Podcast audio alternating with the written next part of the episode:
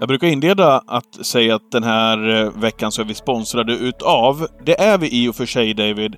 Men även om vi inte hade varit det så hade jag slagit ett slag för Åbys tävlingar nu på fredag. För det finns så mycket att götta sig i just dem. Oundvikligt att vi kommer till det i podden alltså. Men det är alltså kvalet till konung Gustav Vs pokal och drottning Silvias pokal på fredag på Åbytravet. Har du sett startlistorna? Ja, jag har sett startlistorna och det är precis det jag menar. Man kan bara götta ner sig i det. Men det är inte bara liksom startlistorna. Vi kan, vi kan plocka ur några godbitar givetvis, men det är också det här att man, man är så pass vaken att man paketerar grilltallrikar, entréer och allting till ett jäkligt schysst pris. Som gör att man känner att ah, men jag vill åka ut och ställa mig i solen för det ska bli jättefint väder också. Eh, käka en grilltallrik och se de här fina hästarna tävla. Bara det tycker jag är värt att lyfta fram. Grilltallrik för 199 spänn. Eh, då ingår entré och program. Eh, AV mellan 16 och 18. Eh, är man på plats så blir man guidad av Kristoffer Fölet Jakobsson och Lutfi Colgini. De håller i dagen som konferencierer och det blir lite allmänt skönt sur därifrån. Det blir uppsnack till Jägersros V75 på lördagen och ja, men bara Ludde som ciceron över men, en kväll nej, men, men fin, Finns det någonting som slår en AV med Ludvig Colgjini? Du hör ju själv. Jag, jag, vet inte om Ludde kommer delta på själva AWn. Ah, han kommer okay. i alla fall vara där och konferensera. Nej, skittrevligt ja, det är upplägg. Gott nog. Det är gott nog. Precis. Ja men Supersport, eh, V64-tävlingar, eh, bra käk, bra dricka, fredag, solsken, lön nästa vecka. Ja men det finns alla ingredienser för att, ska, för att det här ska bli en toppendag på fredag på Åbytravet. Åk gärna dit om ni kan. Ni kommer ha en jag ska inte säga oförglömlig kväll för det är ja, lite kanske. klyschigt. Ni kanske. kommer ha en grym travkväll och ta gärna med någon ni känner för det är ett perfekt tillfälle att få oinvigda att bli intresserade av trav. Dessutom är det after trot på Lyon.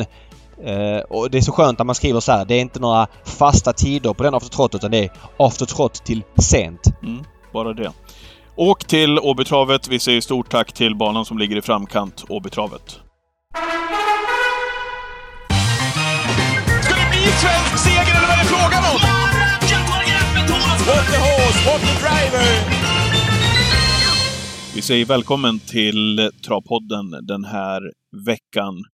Vi nåddes i lördags, faktiskt mitt under vår Twitch-sändning, eh, av att Margareta Wallenius Kleberg gått bort vid en ålder av 85 år. Margareta som enligt många, David, kanske den som har betytt allra mest för travsporten under lång tid. Ja men så är det. Jag har ju varit med i travet sedan 2001 och jag är väl kanske inte rätt person att sätta fingret på vad hon har betytt för travsporten i form utav dels Menhammar stuteri, en verksamhet som har gått back varje år på att föda upp så pass många hästar. Men där hon då har finansierat hela verksamheten. Eh, och vi vet ju Menhammars uppfödningar. De vinner uppfödarligan nästan varje år. Eh, betydelsen av Maharaja som hon då fick vinna Prix d'Amérique med. Och ja men alltså, satsningen på avelshingstar eh, som har förbättrat den svenska hästrasen och sen då nästa steg är finansieringen av eh, tidningen Sulkesport och liksom vilja bredda travet på det sättet och göra den tidningen möjlig till att sponsra Margaretas tidiga unghetsserie på Solvalla som ja, en löpningsserie som har funnits nu i x antal år mm. med väldigt fina prispengar för tre och fyraåringar. Den betydelsen och den satsningen som har liksom kommit hästägare och ja, men, travtränare och aktiva liksom väldigt mycket till gagn. ja. ja, men listan kan ju göras egentligen hur lång som helst vad gäller hennes gärning för den svenska travsporten. Så är det. Och därför så ska väl du passa på att ringa här också eh, och prata mer om det här tycker jag. Mm, jag pratade faktiskt eh, tidigare idag med eh, Björn Damm. Björn får presentera sig själv men han var nära vän med Margareta och kommer reda ut lite av de frågetecken, eller försöker reda ut lite av de frågetecken som nu hopar sig eh, i och med Margaretas bortgång. Välkommen till Travpodden eh, Björn Damm. Tack David! Björn Damm här, 70 vårar ung och eh, aktivt engagerad inom travsporten och har varit så i mer än 25 år. Kan du säga lite grann om vad du haft för positioner? Vi vet ju att du ägde Sprintermästaren Dust All Over och fött upp Dust-hästarna men du har även haft fler, haft fler engagemang än så. Så är det. Eh, jag har inom travpolitiken eh, varit verksam inom eh, Stockholms travsällskap i styrelsearbete, Mm. inom avelsföreningen, numera även inom Hästägarna, NÄT och sitter i styrelsen även för stiftelsen Hästambulansen. Eh, och du var vän med Margareta Wallenius Kleberg och delvis kollega eftersom hon var huvudägare i tidningen Sulkesport där du är VD. Det stämmer och en av grundarna också. Och eh, det är så att jag lärde känna Margareta för cirka 25 år sedan. Och för mig blev det uppenbart i hela hennes engagemang inom travvärlden att hennes kärlek till hästarna var det som hjälpte henne i många svåra och sorgliga stunder också, vilket hon berättat om eh, i flera intervjuer. Men framförallt så hjälpte Margareta att också se långsiktigt i just de olika engagemangen. Ja, eh, hon har ju haft väldigt många engagemang för travsporten och eh, det är klart att det här medför en del frågetecken med hur hennes engagemang eh, eller hennes ande kommer att leva vidare i form av sponsring. Vi vet ju att Menhammar, läste Expressen igår, att de gör väl ungefär en förlust på ungefär 50 miljoner per år. Eh, det är ju kapital som måste skjutas till utifrån. Ehm, vad kan man förvänta sig eh, generellt sett eh, kommer hända med det engagemanget hon har haft för travsporten? Kommer hennes barn Jonas och Annika vara lika angelägna av att stötta travet?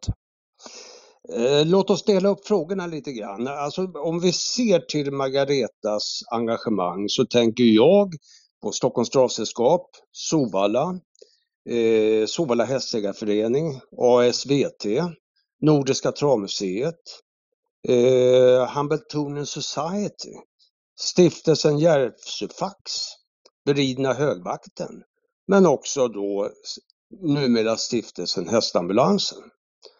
Och eh, jag tror att alla dessa områden finns det ingen som inte förstår att hedra hennes eh, och jobba vidare i hennes anda. Absolut så. Okej. Okay. Eh, om vi går vidare lite mer konkret. Det är svårt för dig att, att svara på allting. Jag ställer frågorna så får vi se vart liksom eh, vad du vet och vad du inte vet. Men till exempel mm. sponsringen då av Margaretas tidiga unghästserie. Jag tror att nuvarande kontrakt går ut 2026.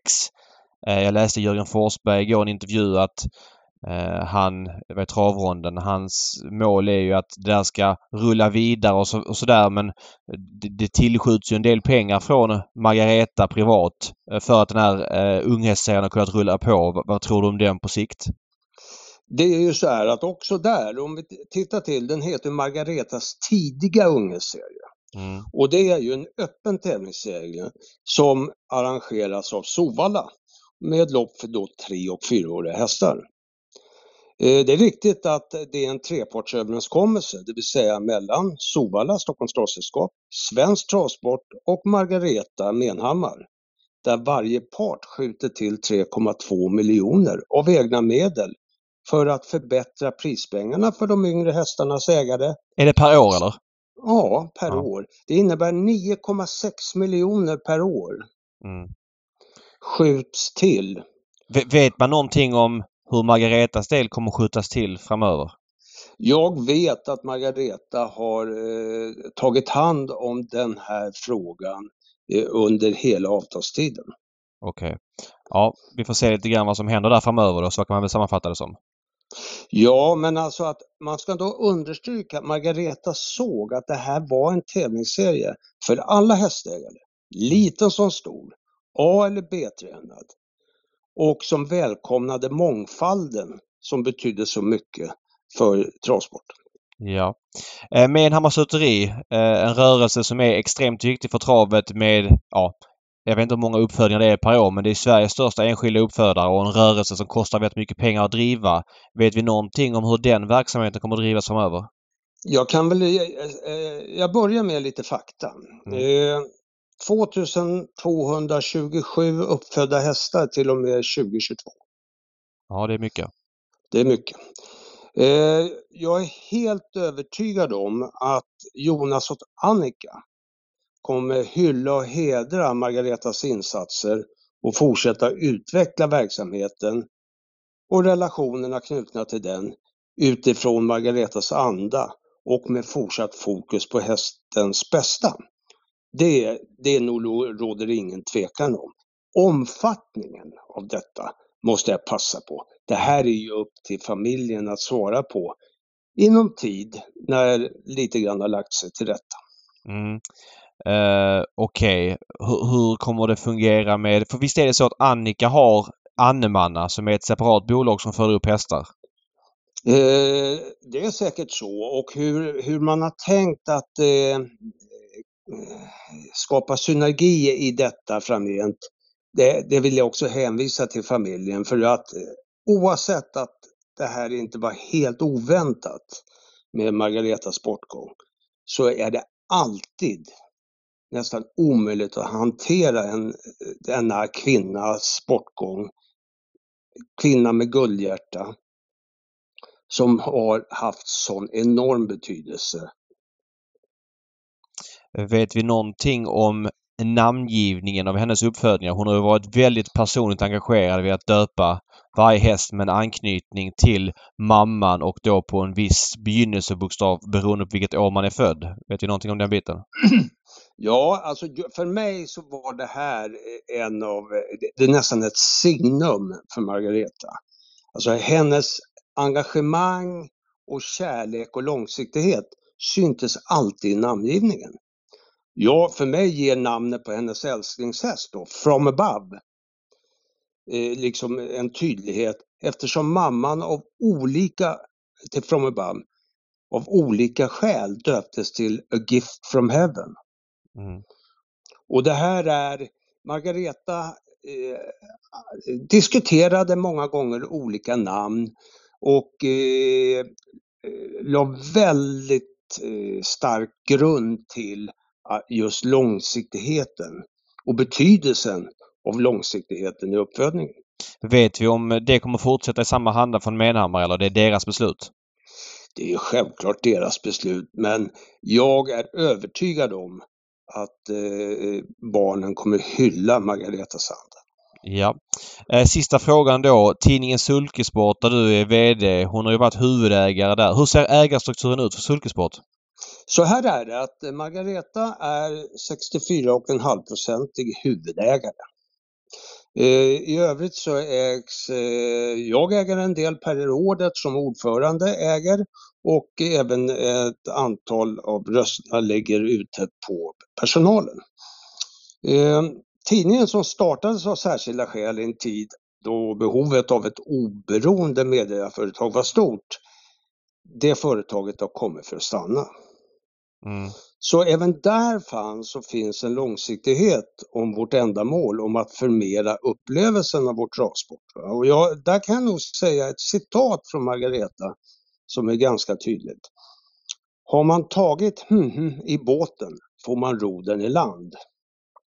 Okay. Det är faktiskt ett passande citat av en kvinna, travdrottning eller rederidrottning, men med ett guldhjärta som var så vän. För jag antar att den här typen av nischade tidningar har ju svårt att gå runt ekonomiskt på prenumeranter och så vidare. Men du är förhoppningsfull om att tidningen kommer att fortsätta leva trots att ja, Margaretas då engagemang inte kommer att finnas där som det fanns liksom så att säga. Absolut och nu ska jag säga det att efter vår eh, digitalisering eh, sedan tre år tillbaka då jag tog ett kliv in som VD så har ju ekonomin kraftfullt förbättrats och den har utvecklats för varje år så att eh, eh, vi behöver fler betalande kunder som läsare, det är ingen tvekan om det. Men eh, för oss var ändamålet med eh, tidningen också att förmera värdet av travsport. Mm. Säg det en tidning som inte behöver fler betalande kunder. Eh, men jättebra Björn. Tack så mycket för att du gästade här och redde ut ett par frågetecken som uppstår. Vi får såklart återkomma eh, med vad Menhammar och familjen kommunicerar men även då i sin eh, ja, med Solvalla och Svensk Travsport med andra frågor. Så att, eh, ja, tack så mycket Björn. Tack så du Hej då. Tack för den intervjun, säger jag, David, med Björn där, som fick sitta här och, och lyssna lite grann i efterhand också nu. Och nu har ju också våra lyssnare där ute fått tagit del av detta också. Eh, ja, vi ska gå vidare i den här podden och eh, prata just travsport. Det är det vi gör i den här podden. Ska vi börja med Axevalla i lördags, David? Eh, det tycker jag. Mm. Eh, en tävlingsdag som... ehm, ja, jag vet inte vad jag ska säga. Knepig bana. Eh, sen eh, blir ju inte upplevelsen av att följa travtävlingar optimal när man är totalt iskall och kliver av på allt i, i V751. Eh, Var, var det så att du gick på Lozano di Quattro på allt rubbet, eller? Rubb och stubb. Jag vet ju att många Mm. tjänster dissade honom. Tyckte väl liksom någonstans att eh, han stod billigt in i det här loppet och det är klart att det fanns frågetecken med spår 1 i voltstart och Tobias J Gustafsson. Först vill jag säga det, jag tycker det är skitkul att Per Eriksson sätter upp Tobias J Gustafsson konsekvent. Eh, och det får man som spelare ta hänsyn till att han inte kör så ofta. Jag måste faktiskt säga att jag är lite besviken på mig själv. Jag hade lite grann förträngt hur lite han kör. Och det blev ju i princip helt avgörande i V751 när Ja, han... men vi visste ju att Lozano di Quattro, som övriga V75-spelare, David, vi börjar där då, benar ut det här, eh, inte var någon blixt i, ifrån start. Att han skulle ta ledningen var ju inte sannolikt. Det var vi ju inne på. Och precis som många andra såklart. Så är det. Och Mm. det, det är ju en del av helhetsbedömningen hur stor chans han har att ta sig ut och därmed kunna vinna loppet. Och eftersom trenden på honom var lite neråt, många gick emot honom, så kändes det lite, lite intressant att gå på honom. För man kände att Ja, hittar han med. bara ut så borde han ha toppchans. Håller med. Till de procenten ändå. Rent kapacitetsmässigt sett till de hästarna han mött tidigare. Håller helt med dig. Men, Mm. Ja, nej men alltså han... eh, Tobias. Gustafsson, alltså, först och främst Per K. Eriksson har ju...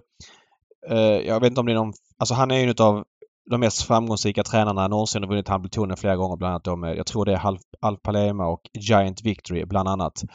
Eh, och han, vi vet ju Royal Fighter som han hade för ett par år sedan och den byggdes ju upp genom att köras ganska snällt ofta liksom vilket tog honom från eh, låg klass på V75 till att vinna ett Elitloppsförsök från dödens och sitta fast med allt i Elitloppsfinalen 2015. Eh, och han har liksom några sådana eh, stjärnor som dyker upp med jämna mellanrum som han liksom gärna matchar försiktigt och får sin topp kanske som ja men 5, 6, 7-åring och Lozano di Quattro är en häst som var ute i väldigt stora lopp förra året. Han var ute i Breeders Crown-finalen på eh, Eskilstuna där i november och eh, mötte liksom Kulltoppen men aldrig barfotabalans, aldrig jänkarvagn och kördes ofta passivt av Tobias J. Gustafsson. Det körs på chans lite grann som man måste göra i bra lopp. Man har byggt upp hästen och mm, det är klart att det finns med i leken när, när hästen kommer ut som V75 favorit. Nu tittat om på loppet morgon och tycker att Tobias har en, en lucka att gå ut i efter 20 meter. Ja, får, jag, får, jag, får jag också ge min syn på det? Jag Ja, tycker ja. inte... Han har ingen hel lucka att gå ut. Alltså förstår du vad jag menar? I, I den bemärkelsen att oh, här är det bara att flytta ut. Eh, den luckan tycker inte jag finns, David. Nej. Men i de där lägena också, just i startmomenten, så är det ju lite vassa armbågar som kanske krävs. Och det kanske inte Tobias J. Gustafsson hade där och då. Nej men alltså så här. Carl-Johan Jeppsson, Magnus Djuse. De två tar sig ut i den luckan utan att det är något regelvidrigt. Givetvis så kör man tufft mot hästen som är på vägen ner i In, in, inom men- citationstecken luckan. Ja, ja, men jag tycker att den, den finns där. Men det spelar egentligen ingen roll. När vi spelar och när vi bedömer en hästs chanser så är ju det hela, hela ekipaget som ska med. Och det är klart att mm, ja, i efterhand så blir det liksom väldigt tacksam vinkel att Tobias. Gustafsson körde 106 lopp förra året. Han vann sju av de här. Året innan 166 vann 16. Året innan det 2 vann inget. Året innan det 100 Mm. vann 4. Alltså det är 305-400 lopp på fem år. Det kör toppkuskarna på eh, ja, lite mindre ett halvår idag. Det är klart att han inte har samma USP i sulken. Och, ja, det, det, gör- man känner sig lite dum i efterhand när han då inte löser luckan. För det känns... Han söker såklart lucka senare men det är ju inte med samma auktoritet som toppkuskarna hade sökt lucka. Kanske Nu- förståeligt, ja. Precis som du är Ja men på. det är förståeligt. Helt naturligt såklart. Eh, Men ja, det är vad det är och man får ta lärdom av såna här grejer. Jag skulle Mm. nog spika honom igen. Uh, nej, det skulle jag nog inte gjort för att då blir jag lite, lite varse om vad kusken betyder just i det läget när jag tar sig ut. Men ja, ja nu gjorde vi det och ja, det blev fel och vilket också påverkar mi, min syn på, på V75-dagen. Uh, ja, mycket av min att, syn också ju. Ska sägas att det var en, en, en V75-dag med mycket galopper.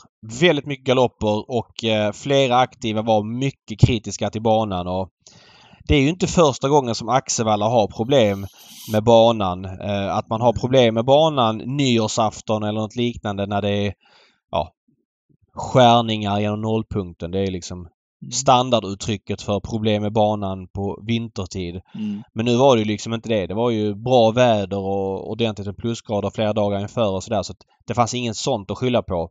Axevalla har problem med sin bana, så är det påfallande mm. ofta. Och eh, nu blir det mycket lopp det är en del av att spela på trav att underlaget inte alltid är detsamma.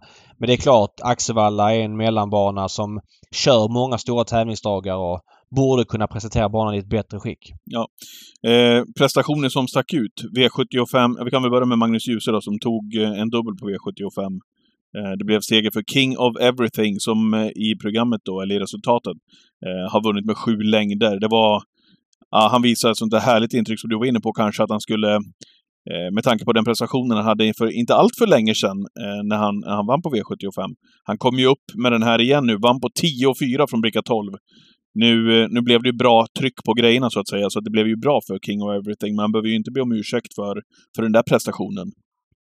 Nej, så är det. Uh, han gick alltså 10-4 på Axevalla uh, med den där banan och uh, Lite fördel av att slippa springa på innerspår. Det verkar som att innerspåret var det extra rulligt. Robert Berg och Matteus gjorde en genomgång efter tävlingsdagen och då såg man verkligen skillnaden mellan innerspår och ytterspår. Och det var ju bara Global Concept på V75 som vann från innerspår Eh, den här dagen. Eh, men King of Everything, alltså det loppet han gör nu, nu börjar han etablera sig där uppe. Ehm, han känns som en jag är faktiskt förvånad att han som sjuåring hittar tillbaks efter sin... Kördes ganska tufft tidigt i karriären. Fick ett par käftsmällar från spets där han packade ihop. Eh, att han har hittat den här nivån det är bara att gratulera tränaren Claes Svensson och Magnus och Djuse som man också får ge en eloge i det hela. Hur han liksom har trott på hästen och kört hästen. Ja. Uh, jag vet okay. inte. Det är ju silverfinalen i Elitloppshelgen nästa och man tittar på hur den silverfinalen kommer att se ut. Det känns ju som kanske årets minst eller mest underprisade travlopp i Sverige. Att vinnaren där bara kan få 250 000. Säger vi inte eh, ofta det om, eh, om silverfinalerna? I de ja, men just lägena. Elitloppshelgen brukar det bli lite maxat, en ja. nivå upp. Eh, det är klart att det finns flera exempel på jättebra silverfinaler, eh, Elitloppshelger och även andra silverfinaler. Men just Elitloppshelgen brukar det vara en nivå, nivå upp. Och de hästarna ska tävla om 400 000 sett till vilka det är som möts där. Men ja, nu är det som det. Men de är ju uh, lite triggande just silverfinalerna för att det är hästarna som är på väg kanske då att ta steget uppåt, in. Ja, ja exakt. Lite, de är på väg det, det är därför det blir Verkligen. också lite mer spekulativt just ja. kring de topphästarna som kommer i den klassen. Så är det. Eh, Magnus vann också med Way to Cashflow. Vi kan väl låta det bero där kanske. Hades det Vandell då? Robin Backer som eh, regelrätt plockade ner Cicero TG som jag tog omtag på eh, tillsammans med Magnus Tejen Gundersen. Som, eh, som kom till ledningen och då trodde jag att ja, men nu är det ju, nu är det ju toppchans i det här loppet. Mm. Eh, och Aetos Kronos som galopperade bort sig. Ja, där var jag ju inne på det också, att eh, jag ville se honom prestera två gånger i rad innan jag, innan jag springer på honom.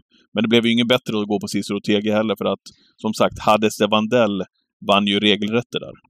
Ja, och vi var inne på att gardera det här loppet brett. Vi tyckte ju både Hades du Vandell och eh, Hede Darling nummer 11 var underprisade i loppet. Sen tvingas man kanske gå kort till slut. Eh, jag trodde ganska mycket på Etos Kronos vilket gör att man ändå fipplar bort Hades du Vandell. Men Paul Hagert när han kommer till Sverige, han kommer sällan hit för att um, inte vinna travlopp om man säger så och eh, trots en offensiv styrning eh, vinner han ganska komfortabelt får sägas. Mm. Där tycker jag att Cicero Tege gör ett bra lopp. Sett till hur stökigt innerspåret var den här dagen så tycker jag att han gör ett riktigt bra lopp till och med. Mm. Eh, Hades Duvadell bra såklart. Ja, verkligen. Eh, Aetos Kronos, ja, han galopperar igen då och han är svårbedömd. Eh, så är det. Unico Broline blev favorit, gick barfota runt om, fick ett bra lopp men ja, lite kort i rocken. Ja, men var det helt överraskande. Vi var väl inne på det i Twitchen också, att bara ett lopp i kroppen och komma ut och bli favorit. Jag tyckte att det var lite orättvist mot Unico Broline faktiskt. Ja, eh, och han är sju år nu och varit igång sedan han var två år. Alltså det är inte givet att han ska ta ett... Alltså jag, jag säger inte att han inte tar ett steg till i år men det är långt ifrån givet att han ska göra det nu som sjuåring utan eh, det är snarare favoritscenario på att han får, får köta på i guld liksom och kommer vara i skiktet under eliten liksom. Det finns ju fortfarande jättemycket fina pengar för honom att tjäna sådär men ja. När du säger kötta på i guld, ser du honom då som kanske en sån här, ja men en, en gulddivisionare som, som tjänar fina pengar. De, de är ju, det är ju fint att ha sådana också ju. Jag tror han kommer vinna lopp i gulddivisionen. Ja. Men jag tror inte att han kommer uh, vara tvåa i Jämtlands stora pris eller Nej. sådana grejer. Nej. Det tror jag inte rent spontant. Nu har han ju bara gjort två lopp i kroppen men sju år som sagt, varit igång sedan han var två. Det är inte givet att han ska ta nästa steg uh, alls. Uh, ja, men det var en bra gulddivision och vi fick en värdig finalist i Paralympiatravet i Hades de Vandell. Ja, Örjan Kihlström vann också med Global Concept. Vi kan väl bara ta hem det också. Det är en otroligt kapabel häst och fin häst det där. Som Jörgen Ska säga någonting om Albert Sonett kanske som vann från dubbla tillägg ja, i V756? Det ja. hörde man väl nästan på Robert också att han var väldigt påställd på den va? Slapp gå på innerspår. Det var väl en enorm fördel för, för honom sett idag. Nej, han var påställd och Robert som jag tycker haft svårt på V75 sista året spontant var ändå tvåa med Laredo Bocco som var bra och fick vinna med Albert Sonett. Det är kul. Vi behöver Robert Berg eh, som en oberäknelig, oberäknelig fläkt på V75 när, när det är um, Ja men behövs i V75-cirkusen liksom. Ja. För att röra om lite grann. Jag, jag blir glad när det går bra för honom för att han är viktigare än vad man kanske anser när han då inte har någonting att köra med. Då tycker jag det saknas saker. Han är oberäknelig, hans hästar är svåra att komma rätt på. Det är, det är bra för variansen på V75. Ja, men inte bara det. Vi har väl varit, vi har surrat om det tidigare tack för att han har flyttat hem också till, till Sundsvall som gör loppen där uppe levande. Annars hade det varit Wäjersten, ännu mer Wäjersten-show där uppe. Så att, ja, men så är det. Ja, det, det eh, blir, färg, det blir färg i loppen. Oavsett ja. om det är en vanlig bergsåkers tävlingsdag eller om det är V75. Mm. Uh, ja. Eh, någon, nej, vi, vi, kan väl släppa V75 därifrån Axevalla va? Det tycker jag. Ja. Eh, vad gav 7 Den gav 181 000. Ja, det är bara att gratulera alla vinnare. Själv var man inte i närheten den här rundan och man får bara ta omtag helt ja, enkelt. det är väl härligt. Eh, Örnas Prins är eh, i Elitloppet efter prestationen senast. Mm. Han stod på tur där som vi pratade om i förra veckans podd. Extremt väntat och till skillnad från många andra så är ju Per Nordström extremt, eller extremt, nu blir det mycket extremt där, men han är väldigt offensiv i sitt snack runt Örnas Prins. Han, han är väldigt tydlig och vi har varit inne på det tidigare, gillar det liksom. Många ligger lågt och vet inte, får se och eventuellt och inte. Han är tydlig, han vill till Elitloppet, han är där för att vinna. Uh, ja. Uh, given inbjudan med tanke på hur bra han var senast. Det känns som att han har utvecklats ett snäpp till i år. Sen tror inte jag att när det kommer till sista 100 meterna mot de hästarna som man möter i försök och eventuell final i Elitloppet att han räcker för att vinna. Men det är eh, min take. Han, det finns absolut inte 16 som är bättre.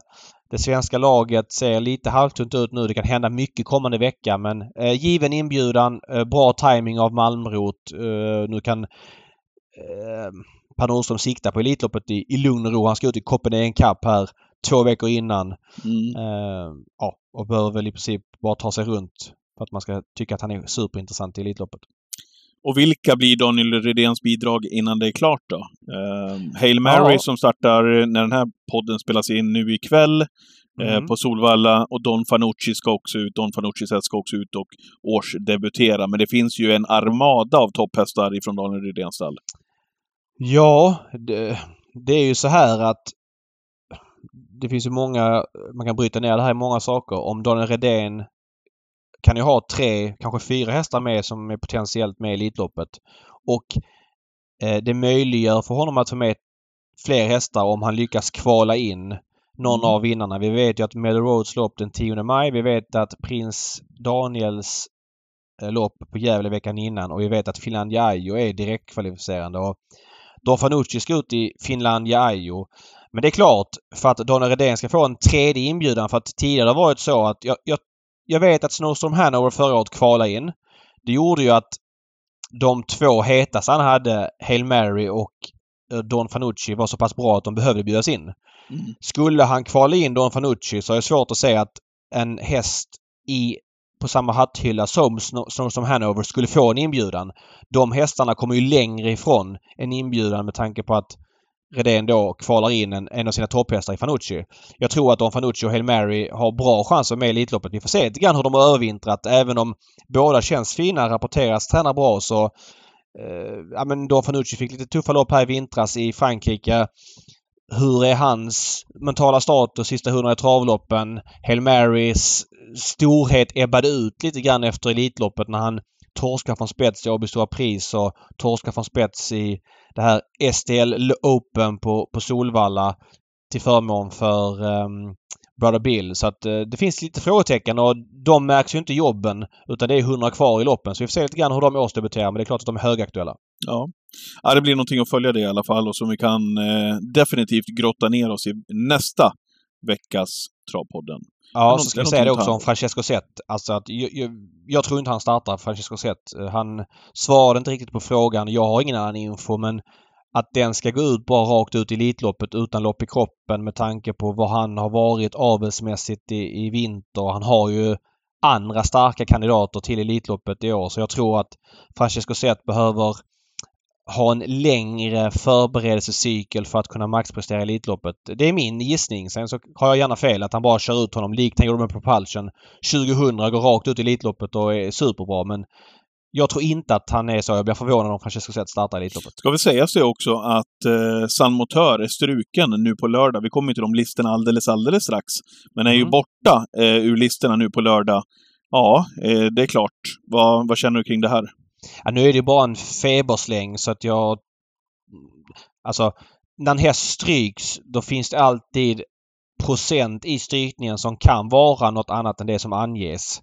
Men det, det finns ju alltid som... procent i spekulation då också. Ja, men jag hörde någon som sa att hästen hade sprungit i hagen och att det bara var en febersläng och att man eh, inte ville riskera någonting. Och det är ju reglerna så att har du varit anmäld till ett försök i Paralympiatravet så räcker det för att få bli inbjuden till finalen. Så jag skulle bli förvånad om han inte dyker upp i finalen, eh, Salmotör.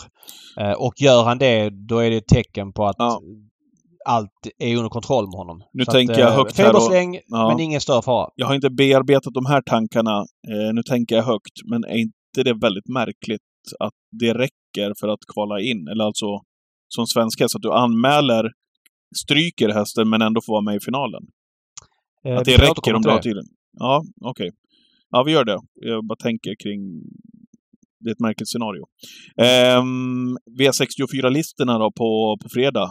Vilken mumma det är eh, ifrån Åby. Ska vi bara ta en snabb kik? Det känns ju som att det har varit... Det är fler hästar än vad det har varit sista åren. Jag har för mig att det har varit tre försök ett par år i rad där fyra har gått vidare. Men nu är det då fyra i Kungapokalen. Eh, och, och eh, fyra, eller tre, vad är det? Många är det? Drottning, Brukar det inte vara det? Eller fyra? Ja, det var tre tidigare för det har varit fy, de fyra bästa men nu är det fyra. Ja, okej. Okay. Um, ja, det är en bra signal om det är så. Att det går åt rätt håll, ja. ja. ja. Eh, Joviality dyker upp i V64 första avdelning. Ja, men det här, vilka, vilka race det är alltså. Slå upp listorna ja. där ni sitter är, där hemma nu. Vi ska säga det att det är fy... Jo, fyra i varje är det. En, två, tre, en, två, tre. Ja, fyra i varje är det. Uh, nej, det är super, uh, superhästar rakt igenom. Dels att se Joviality som en krydda för sig. Se henne årsdebutera på svensk mark. Alltså det kan vi ju liksom en... Det kan sätta in i ett ganska tydligt fack. Skulle hon hypotetiskt torska från spets, ja då blir man ju såklart besviken om man tror att det är tufft för henne att hävda sig mot de bästa hingstarna. Det var väl spekulation på, på, på Elitloppet för. Det var väl ja, eh, spekulation Men skulle hon bara dansa undan och vinna plättlätt och, och liksom komma som jättefavorit i finalen så är det superintressant. Alltså det finns väldigt många mm. utfall mm. som liksom definierar hennes kommande år. Men sen V64 2, det är ett försök till Kungapokalen. Det känns ju som att det skulle kunna vara delar av derbyfinalen. Bedazzled Sox, Barack Face, HC's Crazy Horse, Hustle Rain, din derbyvinnare, mm. Game Brodde, Brilliant Sky, eh, Santis Hilton. Alltså det är jävligt bra hästar i samma försök. Mm. Eh, Game Brodde. Ja, Game sa jag också. Ja, du sa det, förlåt. Mm. Eh, V64ans tredje avdelning, då är det också Sto, då är det Stona igen, ja med Kayla Westwood, eh, Olivia, Olivia Coger. Coger. precis. Ja. Uh, wow. Narita Lugars uh, nya stor. Sen i, i fjärde avdelningen Tetic Vanja från bakspår igen möter Balotelli Face, There is no limit, King Kennedy, Jicken. Everyday Elegant. Ja, det, det är väldigt häftiga race här. Uh, och sen i, i femte Undrar vart vi- Lugauer han kan få ut av och Vanja där. Mm, nej, men det känns positivt. Det känns som att han har behövt de här loppen lite grann och han avslutar väldigt bra på Solvalla senast. Även om travet var sisådär. Till slut. Uh, i, I femte Omara Zon. So Much A Lady. Global, Global Dancer. Dancer. Mm. Och i DD2 då Following som vann på 12 och 9 ett försök till kriteriet möter Friends of Elves, den färska V75-vinnare. Nasselhem, Johan Hills, Judge D. Ante Laroque. De, de är ju här ute nu i eliten. Alla utom, känns det som, eh, kriterie tvåan Bengan. Nej, kriteriettan Santis Harvey är heller inte med. Nej, då har du rätt Nej, i. men det fin- säsongen är lång och, och Breeders är framflyttat så att... eh, Men det är ingen strul va? Bengan? nej, så uppfattar inte jag det som. Men Nej. alltså, det, kan ju inte vara ut i andra lopp. Man får välja sina slag liksom. Jo, men det är ju Så- ändå ett rätt stort slag det här. Det är ju liksom Jo, inte... jo, så är det absolut. Men eh, nej, ju- jag är confident på att eh, han måste vara i ordning också för att han ska komma ut liksom. Ja, ja. Eh, Ja, det är derbyt som är det stora målet givetvis. ja, vi får se vad... Inga det här säger, men Det är väl löklopp. rimligt. Det är väl rimligt. Ja, inga sådana här löklopp för Bengan. Vi får se. Mm. Vad, eh, vad, vad känner du? Gästen? Veckans huvudgäst? Ja, Björn Damm gästade ju oss med den äran, men eh, veckans huvudgäst, ändå unge, eh, framtidslöftet här som vi ska ringa upp. Mm. Gustav Johansson som eh, ja, men syns mer och mer på, på V75 och andra sammanhang och lite dålig koll på hans dagsstatus, vad han gör när han inte kör lopp. Han har inget Ja, mig veterligen egen rörelse, eller ingen träningslista i alla fall, för ingen licens än så länge och sådär. Så att, Vi kollar. eh, vi, ko- vi kollar med honom. Mm. Välkommen till Travpodden säger vi till Gustav Johansson. Tack för det. Eller är det Gurra? Eller är det bara någonting man vill säga när man heter Gustav? Det är väl klassiskt, men eh, jag brukar väl, brukar väl bli kallad för mitt eh, vanliga namn. Okej, det är inte så många som säger Gurra inom, inom sporten. Nej, nej, faktiskt inte. Det är, det är mer du va David som säger Hans G Lindskog. Han var väl Hans Gurra Lindskog i... Hasse, väl i Hasse Gurra Aktersnurra hette han. Hasse Gurra Aktersnurra Ja. Lindskog. Ja, klassiskt. Precis. Hur är läget Gustav? Det är bra. Jag har kört lite hästar på förmiddagen och nu har jag lite lugn också. Det är bra. Vad har du kört för hästar? Jag har kört Bömaren och Icebreakers Isu idag. Okej, Böhman som startar på V75 på lördag. Honom återkommer vi till. Eh, hur ser din vardag ut? Du är ju inte ens 20 fyllda men du känns väldigt etablerad i någon form av skikt under catchdriver-eliten. Vad gör du om dagarna? Jag är runt lite. Jag är hos eh, Dan Widegren och har hand om hans hästar en dag i veckan och så är jag hos Rick Ebbinge två fortkörningsdagar i veckan och upp till det har jag fyra hästar som jag tränar och tar hand om. Och allt detta sker på samma gård va? Ja, precis. Det är ju Dan Widegrens gård som ligger ett, nå- några minuter ifrån Halmstadtravet.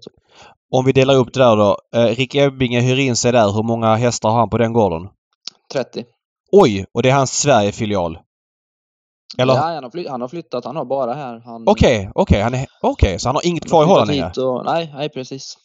Så han bor... Eh, Okej, han bor heltid där alltså? Ja, ja. Och hur funkar det? Han är där med sin personal men du är där och stöttar med fortkörning måndag, fredag? ja precis, precis.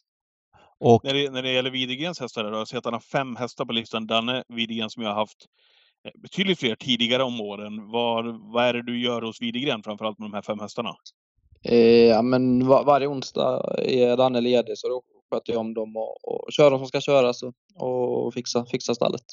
Ja, okej. Så Då är alltså typ hästskötare i, åt de där fem dagar, en dag i veckan? Ja, precis. Ja, okej. ja, eller allt i allo kanske? Ja, ja. Okej. Och sen utöver det så är du väl semi-catch driver, får man säga det? Eh, ja, men jag kör ju, kör ju mycket lopp. Jag har ju jag kommit igång tycker jag och fått eh, fina chanser så mycket lopp kör jag i alla fall. Var ser du dig själv på sikt? Vad vill du bli? Vill du bli travtränare? Vill du bli catch driver eller hur, vad tänker du? Eh, ja, men jag tycker det är väldigt kul att köra lopp men jag är också väldigt intresserad av träningsbiten så mitt, mitt mål för dagen är ju att kunna kombinera både träning och tävling i, i framtiden. Okej, så att det är travtränare du vill bli liksom men, men du, kan, du kan tänka dig köra åt andra i stor utsträckning också? Ja, precis, precis. Eh, Det, det, det är så jag tänker nu i alla fall. Kan vi ta någonting om bakgrunden Gustav? Varför blev det trav för din del? Ja, det var väl rätt så självklart. Det är väl de flesta i min släkt hållit på med trav eh, ja, både på mamma och pappas sida så har det varit trav. Pappa kör ju häst och har varit, eh, har jobbat på banan hela sitt liv och mamma kommer också från, från en travfamilj där han, hennes pappa var Lars G. Edvinsson som eh, Jaha, var framgångsrik okej. tränare. Det hade jag faktiskt ingen aning om. Nej, inte jag heller. Eh, Okej, Ja, men då, är jag, då får jag ihop... Eh, Då har papporna i ordning som man säger. grejerna på- här, ja. Avelsmässigt. Ja. När det gäller travbit Ja. i alla fall. Jag hoppas det. Eh, Men pappa då, Håkan B Johansson, som har titeln, han banmästare på Halmstadtravet men också bedriver en träningsrörelse med, med tre hästar va? Eh, Ja, precis, precis. Eh, var det givet, du, du har inte tänkt att du vill hålla på med barnskötsel och sånt utan det har liksom... Nej, det, Nej. Det, jag har jobbat lite på banan och, och det har varit roligt men det har väl alltid varit, varit hästarna som har lockat mer och det var väl aldrig aktuellt för mig att börja jobba på, på banan om det hade varit, om det hade funnits möjlighet till det. Fattar. Och de tre hästarna som finns på Håkans lista, som, där finns en fjärde också, de tar du hand om helt och hållet. Han tränar ingenting utan det är ren pappersgrej att, att du sköter det men han står på dem. Ja, men lite så är det, eller, eller så är det för att eh, ja, jag håller på med min licens nu eh, uppe på Vången och precis börjat den kursen och under tiden står han på dem helt enkelt. Och det är klart att han, han hjälper till också när det behövs men det är jag som ansvarar för dem. Och det är travtränarlicens du ska ta på Vången. Ja, precis. När tänkte du plocka ut den ish? Eh, ja, men det är rätt, rätt lång kurs i olika steg så det blir väl om ungefär ett år. Då. Vad tycker, du om, vad tycker du om kursen? Det är en bit upp till Vången för dig. Ja, det är lite bökigt att ta sig dit men eh, det är okej om, man, om man läser mycket så att eh, det, känns bra tycker jag. Ja. jag, jag, jag tänker på det här med, med pappa där och banan. Han har ju fått eh, väldigt mycket beröm genom åren för, eh, för banarbetet där på, på Halmstadtravet.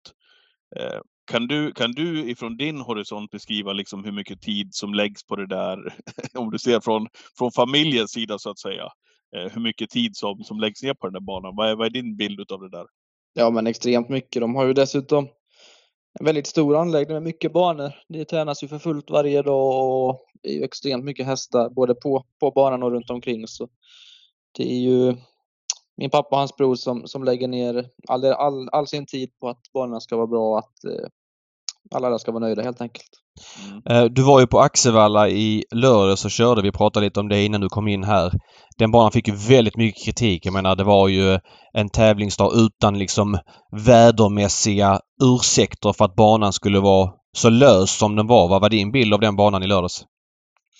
Eh, ja, men det är klart, det var ju väldigt mycket galopper och, och, och det ska väl inte vara de dagarna. Det, det är klart att det är tecken på det, men det, det är många saker som ska stämma när man sköter en bana också. Men, men det är klart att det var lite för mycket galopper för att det ska vara normalt. Men ringer du hem till din farsa i bilen hem? Du alltså pappa de, de hade gjort det och det med banan alltså. De, de förstår ingenting eller hur, hur funkar det? Ja, ja, det är klart det blir att man, att man diskuterar mycket man, om banor för han, ja, han är ju, har lagt sitt, sitt hela, hela liv på det och, och är väldigt, väldigt duktig på det så att det är klart man, man diskuterar fram och tillbaka när det kommer till barn. N- när det kommer just i barnbiten, det blir ett sidospår här nu eftersom vi pratar om det, men upplever du att andra banor har prestige? För att det känns som att banorna, vi är ändå 2023 och att banorna är struliga när det blir många skärningar genom nollpunkten. Det är sin sak men jag tycker banan får lite väl mycket fokus. Det är en grej som borde funka bättre. Eh, din pappa då Håkan B Johansson som är ja, men, eh, rankad kanske som Sveriges bästa banmästare. Upplever ni när ni pratar att liksom, andra banor har prestige från att ta in honom när det är stordagar och så vidare? Eller hur funkar den biten?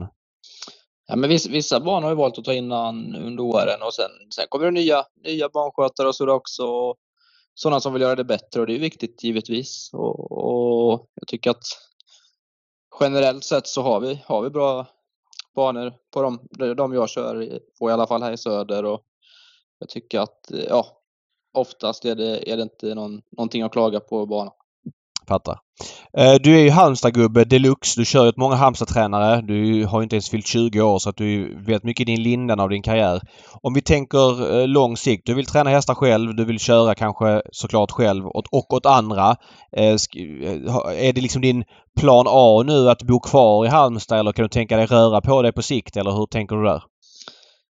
Det får man ju se lite. Det är ju väldigt, väldigt tuff konkurrens här. Det är ju både, både bra och dåligt. Så, ja, för dagen trivs jag väldigt bra här. Jag tycker det ligger bra geografiskt och funkar bra allting. Men, men det är klart att man måste vara öppen, öppen för olika alternativ i framtiden. Mm. Så du, du låser dig inte vid någonting? Eh, nej, men så, så är det väl. Eh, man, man, klart man kan ha en plan, men den kan ju ändras hela tiden. Så jag tycker att man, eh, det går ju liksom inte att bestämma i detta läget. Nej. Jag läste en intervju innan, innan vi ringde upp det här och innan vi körde igång podden här idag eh, med dig som du gjorde i Expressen. Då var du 16 år, så det är några år sedan i alla fall. Ja. Eh, kommer du ihåg vilken du svarade som eh, den kusk du såg mest upp till? Eh, ja, det var kanske pappa då, eller Björn Goop va? ja, Mm. Björn Goop var det. Ja, Är det. Är det samma idag? ja det tycker jag. Eh, han, han, jag tycker han håller en extremt eh, hög klass alltid och sen just att han, han tränar också både i, i Sverige men också i Frankrike. Att han får ihop allting och, och håller det på en så hög nivå, det tycker jag är imponerande. Mm. Eh, Du tripplade dina siffror förra året gentemot 2021. Alltså du gick från att köra in 1,8 miljoner till att köra in 6 miljoner och eh, i segrar blev det 58 istället för 19 och i år är du nästan halvväg 26 segrar och 2,8 inkört. Eh, vad är främsta skälet till denna utveckling? Är det att du fyller 18 och fick köra bättre hästar eller? Eh, Ja, men fram, de ljuger väl lite för att eh, det året där fick jag bara köra halva året så jag förbättrade mina siffror förra året men året innan det så fick jag som sagt bara köra halva året så att det blev väl lite vilseledande men, men Varför fick du bara köra halva? Det var den här nya spellagen som kom. Att man var tvungen att fylla 18 innan man får eh, vara med I Totolopp? i Totolopp. Ja, precis. Men hur var det med den lagen 2020? Fanns inte den då? Eh, Nej, men i början av min karriär fick jag köra. Från det att jag var... Det året jag fyllde 16 började jag köra. Var det det här man började med juniorchansen? Var det det? Ja, det var ju samma veva. Eller det var, Ja, väl, det var ju därför man började med det. Ja, precis. Eh, när, man, när man kollar till din ålder där Gustav, så är det precis som David eh, varit inne på här också, så har det gått eh, väldigt bra. Eh, du är på väg att slå igenom ordentligt och kanske en av de ja, mest lysande framtidsstjärnorna på kuskhimlen. Vad är den största utmaningen, tycker du, att komma som ung och möta de här killarna som du precis nämnde här, i Björn Goop och många andra i eliten? Vad är det för utmaningar som du stöter på i loppen? Eh, ja, men det är väl lite utmaningar hela tiden. Jag tycker på banan är, är alla lika, men man möter ju alltid de som är äldre nästan och, och har en jäkla mycket mer, mer rutin. Så det är viktigt att ta, ta det på rätt sätt och försöka lära sig utav dem när man, man ser dem på, på nära håll och, och samtidigt kunna försöka slå dem. Jag tänkte säga det, hur, hur kaxig törs man vara när Björn Goop kommer där och det är små marginaler och så ser man att det är han som sitter bredvid, bredvid den som du har ja, men sett, till, eh, sett upp till här genom åren. Eh, ja, jag tänker väl inte riktigt så att det, det är så. Jag, jag tycker man, man kör lika mot, mot alla kuskar men det är klart att eh, det kan, det kan det blir små marginaler och ja, det kan ju vara olika att köra ett lunchlopp som att köra ett V75-lopp. Ja, ja jag fattar. Så det, det är ingenting du tänker på alltså rent generellt så när du åker ut i loppen, liksom, vilka du möter och så vidare? Nej, men det, det, Nej. det tycker jag inte. Det tycker jag inte. Eh, Du har ju börjat köra även åt större tränare. Du har kört en del åt Jerry Riordan här sista året. Eh, Hur är det? Eh, Att köra kanske med en annan press och lite större lopp. Du har fått köra Etos Kronos och så vidare. Ja, men det är klart, det blir ju lite mer, lite mer ögon på en, men det är så det fungerar och jag är väldigt, väldigt glad över chanserna jag får och jag tycker att eh, det, är, det, är en, det är en skön press de gångerna. Det är inget jag, jag känner att jag har ont av på något sätt. Jag måste fråga där med Aetos, hur gick det till? För att du blev tillfrågad någon gång när Magnus tackade nej. Sen fick du köra igen. Men nu kör Magnus igen då till exempel när V75 avgörs på Jägersro på lördag. Där du finns på plats. Eh, Hur har den dialogen sett ut mellan dig och Jerry där? Ja, men från början var det väl att Johan körde när han kom tillbaks där och sen så hade Johan häst i samma lopp. Och eh, då fick jag hoppa in som andra hand där i vintras. Och sen fick jag chansen några gånger och, och nu, är, nu kör Magnus och det är ju inget, inget konstigt med det. Eh, eh, han har ju lyckats otroligt bra med honom så jag det var väldigt, väldigt kul att köra honom men jag tycker inte det är något konstigt att, att Magnus är tillbaka nu. Nej. Etos Kronos är en av hästarna vi har pratat mest om här i vinter. Eh, lite grann om hans status. Eh, nu var det ett litet tag sedan du körde han framförallt innan den här Solvalla-starten. Eh, vad har du känt i honom de gångerna du kört honom? Du körde honom där i lopp, sista loppet innan han fick spö av Four Guys Dream på eh, Jägersro när han gjorde sin dittills klart bästa prestation efter uppehållet. Va, vad kände du honom då? Eh, ja, men jag, jag var nöjd med honom. Det är klart att eh, han var inte så som han var när han vann jubileumspokalen men det kändes ju verkligen som att han, han ville springa och, och kämpade och att han, han kände, kändes fin liksom. Så att eh, jag tyckte att jag hade en bra känsla och dessutom gick han med skor och det blev en, blev en väldig effekt på honom när, när de ryckte skorna så att han gick väl och väntade lite på det också Jerry, samtidigt som han startade på det. Mm. Han har ju hoppat lite grann här eh, en del efter comebacken så att säga, efter den här skadan eller uppehållet han har haft. Eh, nu har du lyckats köra felfritt med honom. Nej, du har hoppat en gång på Halmstad. Gång, ja, ja, vad, vad är det han har problem med? Vad är det som inte lirar riktigt? Ah, Jag, jag, det kan inte, jag, jag vet inte. Det, det är ju, ja, det, det, jag vet faktiskt inte. Men varför hoppade han den gången när du körde på Halmstad? Ah, Det blev, det blev fel den gången. Vi fick lite hästar framför oss och var tvungna att gå ner på innerspår och sen Sen eh, blev han van mest irriterad av att sitta fast i lågt tempo kändes det som. Det var, det var mer en sån grej den gången. Han kändes väldigt fin både innan och efter. För att just det loppet, eh, jag vet inte om du har sett loppet efter, de klipper ju precis när man ser att han kanske taktar ur lite grann. Sen så ser det ut som att du kör på en pinne. Eh, Blir han rädd av det eller? Det var inte, pinnen var ingenting kopplat till galoppen utan det var att han sned ur i ryggar helt enkelt. Ja, precis. Nej, pinnen hade inget med det att göra. Nej okej. Nej, det, det gick någon form av myt om att du körde på en pinne och att han hoppade men det var alltså inte Ja. anledningen. Nej, nej, nej det, det var det inte. Nej, jag fattar. Eh, ska vi gå in lite på lördagens styrningar eller är det något annat du vill ha in Patrik?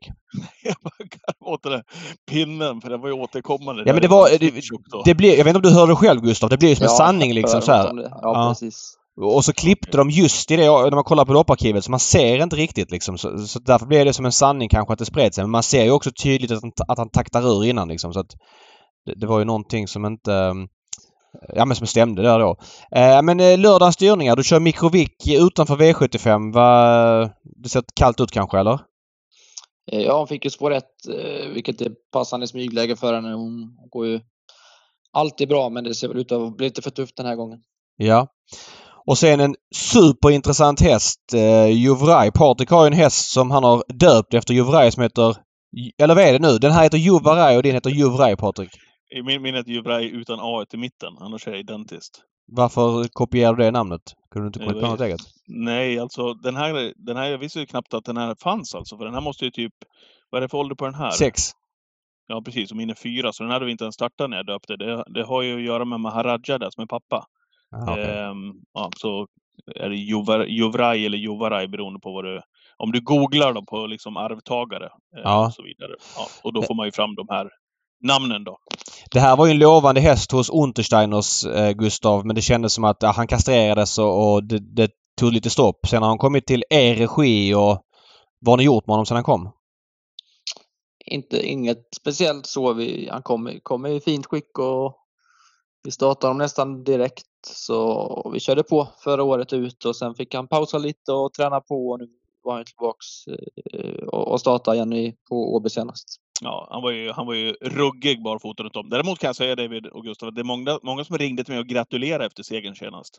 Är det sant? Sig, ja, man fick många sms. Grattis till V75-segern. Ja, Så man herregud. skriva ja, men det är inte min häst. Men, men vad hade han gjort i vinter? Alltså den här remarkabla... Han har ju varit bra innan ska sägas ju men, men det han gjorde senast på barfotabalans var ju enormt. Vad hade du gjort i vinter med honom som, som gjorde honom så förbättrad? Eh, nej men jag har för, först fick han tre veckor ledigt efter Solvalla-starten i finalerna där och eh, sen har han fått träna på. Eh, inget, inget konstigt egentligen utan han har tränat på som han, som han ska och ja, kunnat, kunna träna på ett par månader utan att stå över någonting. Var du förvånad att han bara sprang runt om som 21-åtsare? Ja men det är klart, det var, jag nöjd med han känns men spår 11 på V7 årsdebut kändes ju inte, kändes ju inte jättehett såklart. Nej. Men nu med den insatsen i, i, ryggen så att säga, lopp i kroppen och allt det där. Eh, vad har du för förväntningar på honom prestationsmässigt på lördag? Ja, men logiskt sett så, så ska han ju kanske till och med vara lite framflyttad. Han känns ju väldigt fin så jag är spännande på, på hur han kommer vara. Eh, voltstart spår 5. Eh, vad tror du om det? Eh, Ja, men det känns som man ska reda ut det bra. Det är inget jag oroar mig för sådär i alla fall. Han har ju öppnat väldigt bra. Jag vet i Halmstad där i november förra året och stod med tillägg och körde till spets. Då var det bara en häst på start den gången så han kan ju öppna i, i volten. Kan det vara någonting för spetsstriden här eller du vill mest köra felfritt? Vad, vad känner du där? Eh, ja, jag vill ju köra felfritt och jag tror, jag tror inte det skulle vara aktuellt för spets. Eh, jag tror både 1, 6 och 7 kommer öppna bra så jag blev väldigt förvånad om vi skulle vara, vara först men jag tror han kommer gå iväg i alla fall. Eh, och eh, du är inte förvånad om han är lite bättre till och med än på Åby med loppet i kroppen? Eh, nej, Nej, det får man ju ta på allvar helt klart. Det låter ju väldigt intressant.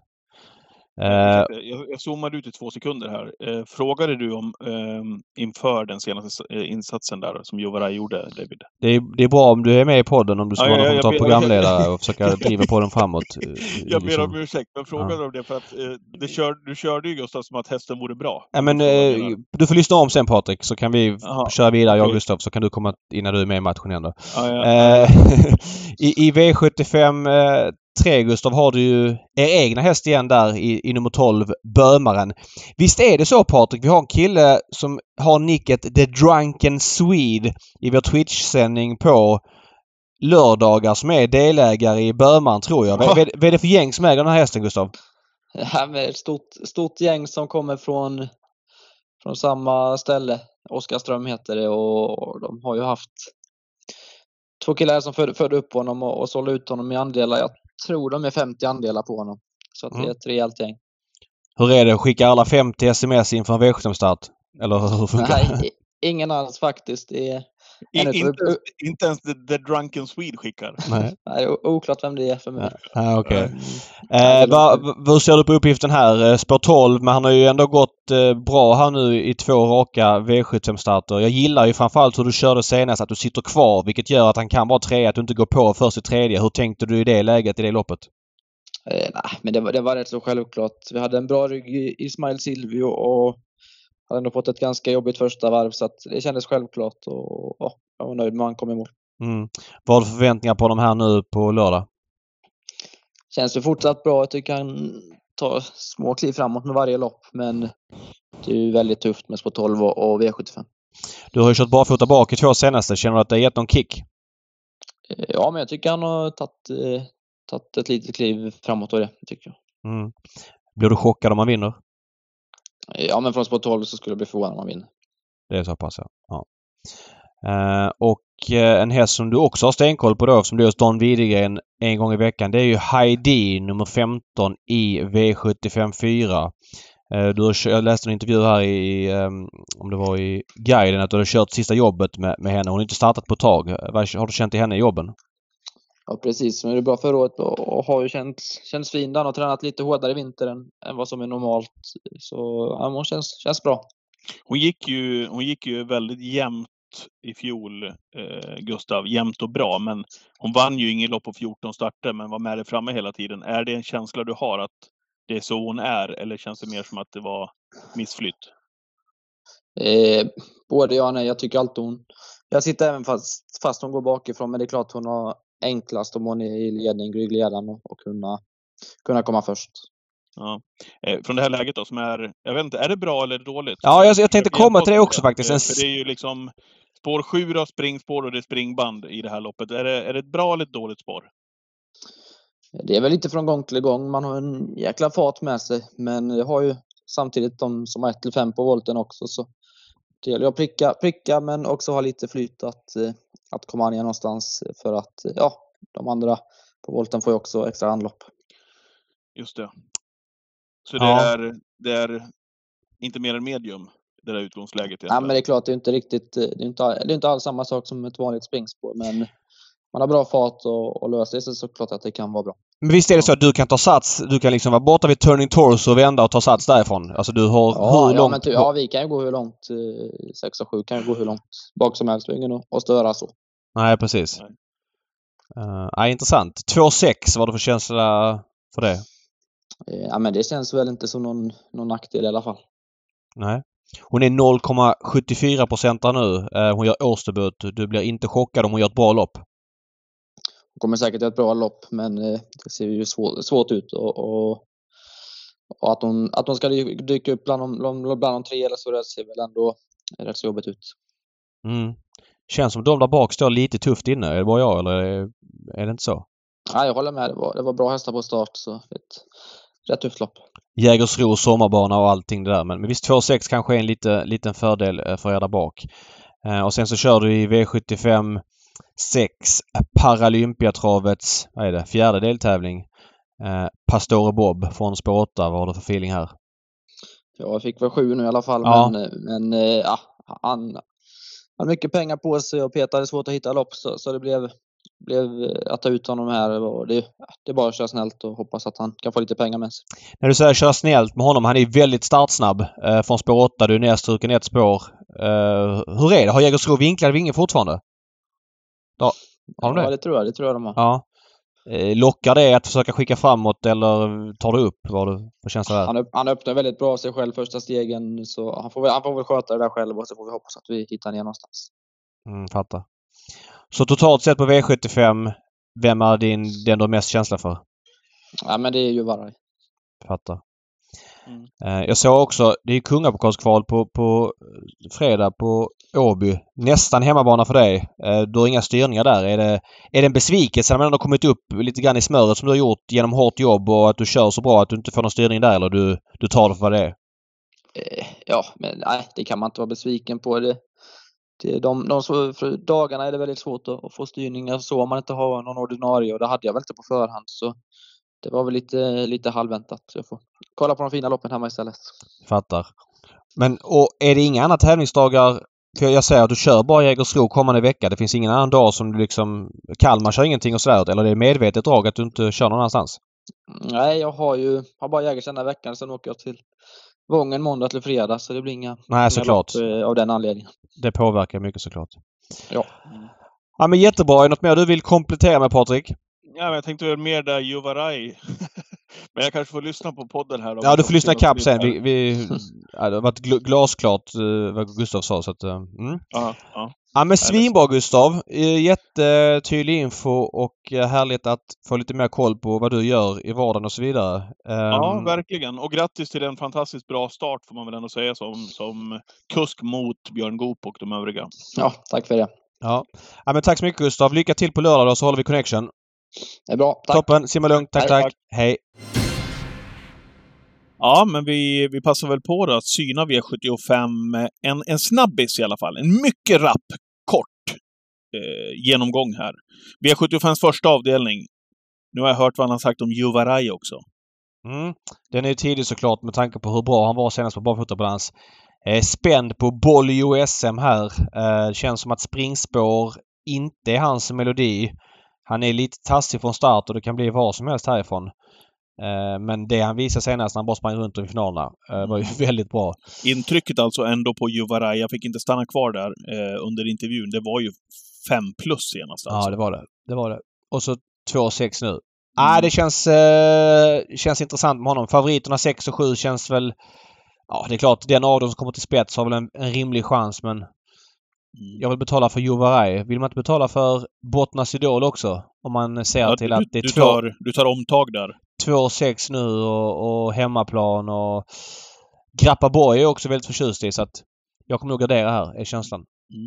V75s andra avdelning, där får vi en favorit i Leroy Boko innan det är klart från Konrad Lugauerstall, tror jag. Lugar tog in enormt mycket luft inför starten senast och tyckte det var dagens bästa chans trots att han hade flera andra heta chanser. Nu galopperade han i sista sväng och stod tufft inne i klassen och står tufft inne i klass 1. Men eh, det här motståndet är betydligt enklare än det som eh, han var ute mot senast rent Ja. spontant. Så att Ja. eh, det, det är nog en vettig favorit spontant, ja. V75s tredje avdelning, klass 2. Försöket, jämnt spelat, eh, kommer det väl att bli också i det här loppet som inte är alldeles enkelt att bena ut.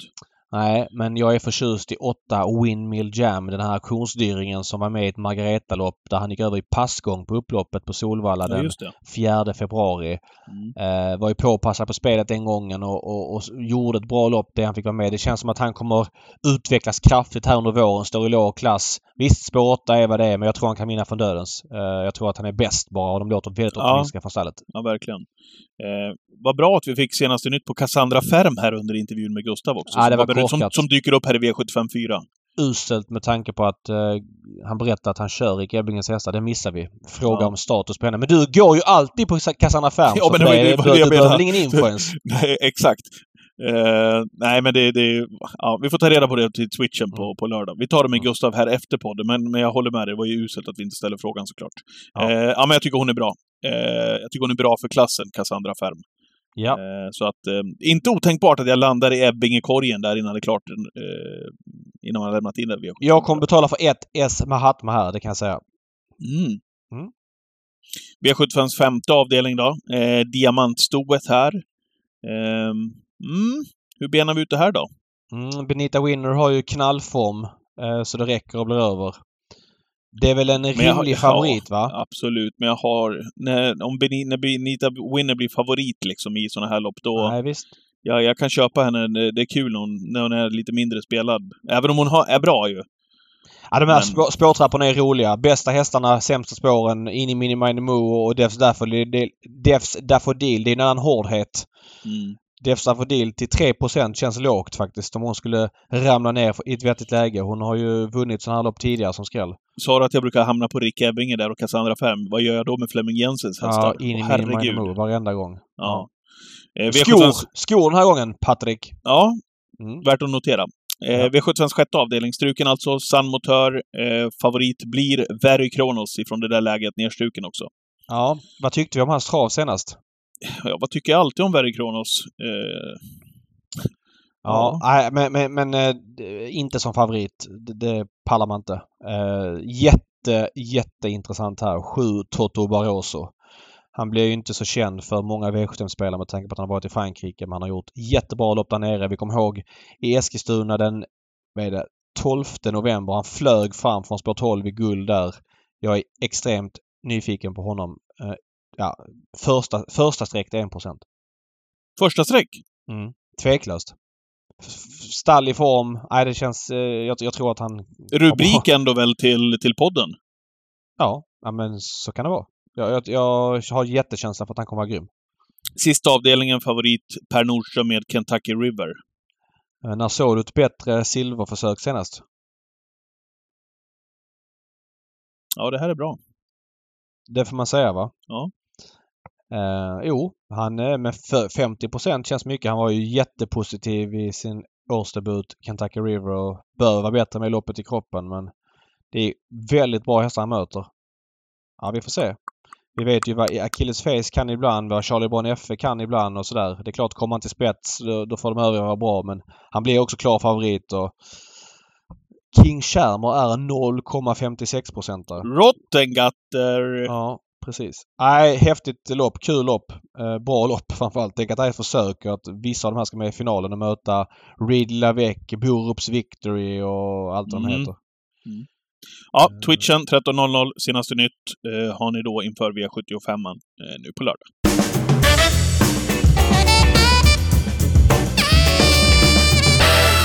Veckans hiss och diss eh, är här. Ja, David.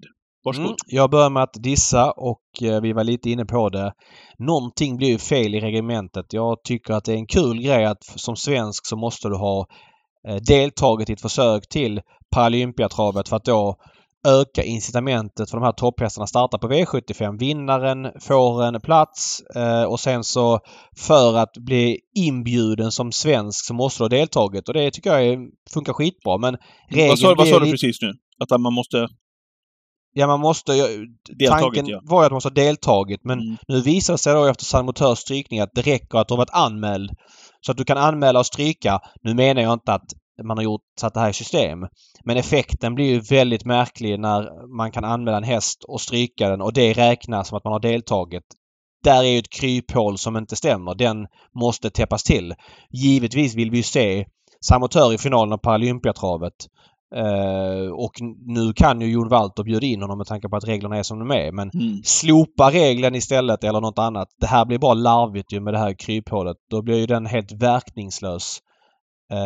Ja, men att man måste vinna för att kvala in och sådär. Så att, eller delta för att få en inbjudan. Så att, här, det, det bara göra om det. Det känns mycket märkligt. Håller fullständigt med.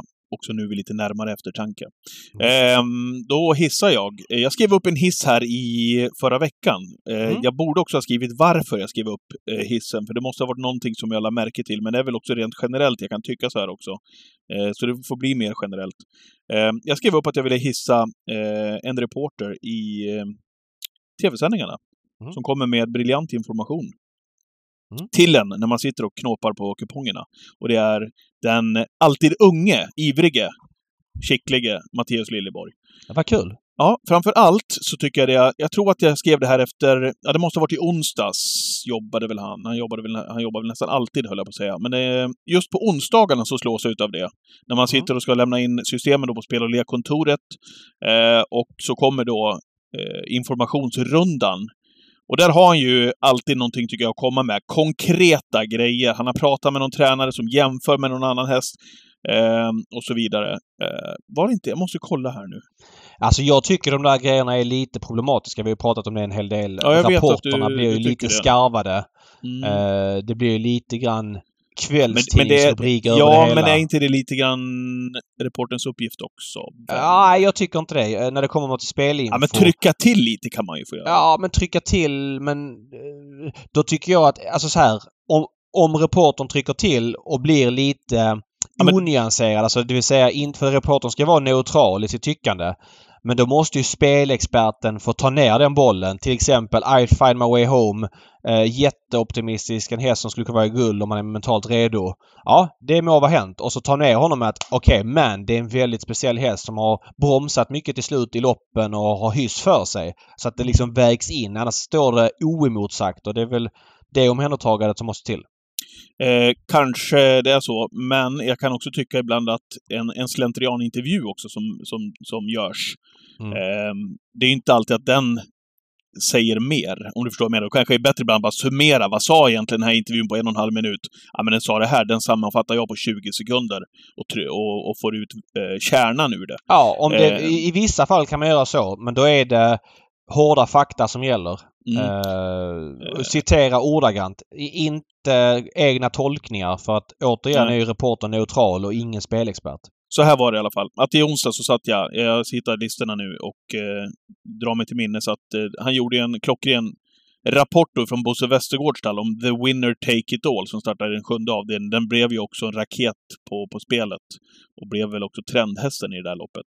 Men som också, eh, där, där Matteus också hade fått fram information, ja, men den här hästen tycker Bosse är bättre än eh, Keystone Cash som eh, många kan relatera till, som har varit ute och startat på V75 då också. Då Mm. finns det ju någonting att ta på då känner jag okej, det här har Bosse Westergård sagt. Han möter ett gäng som är ja, men relativt blekt sett till Keystone Cash. Eh, och, och, och, så går han ut på det sättet och vinner som han gjorde. Eh, då fick vi också en information där från Matteus, tror jag, att Bosse Westergård lämnade väl klart st- i stort sett också på Flemming Jensens häst, som jag landade in på. Som vanligt, som vi var inne på alldeles nyss. Eh, som inte gick något speciellt märkvärdigt. Det Franklin va? vad hade han? Det är väldigt lätt som eh, aktiv att säga att någon annans häst ska bara ska vinna. Ja, Då har du ingen press på dig och så kan du ifrånsäga dig ansvaret. precis. Men eh, Ja, nej men jag... klart han hade någon Matteus, Flemming Jensen alltså, där i alla fall, som inte levererade också. Gör ju ett eh, färgstarkt och bra jobb. Ihärdigt på landets. Game on Butcher var han. Han lämnade klart på Bosse Westergård. Via Matteus rapport, i stort sett. Eh, hur som helst, eh, du kan ha en poäng i det du säger där David, men jag tycker att Matteus, efter alla år, det är liksom fortfarande det är nyfiket, det kommer med leverans, Ja, ja, det är tydligt vad han tycker och tänker.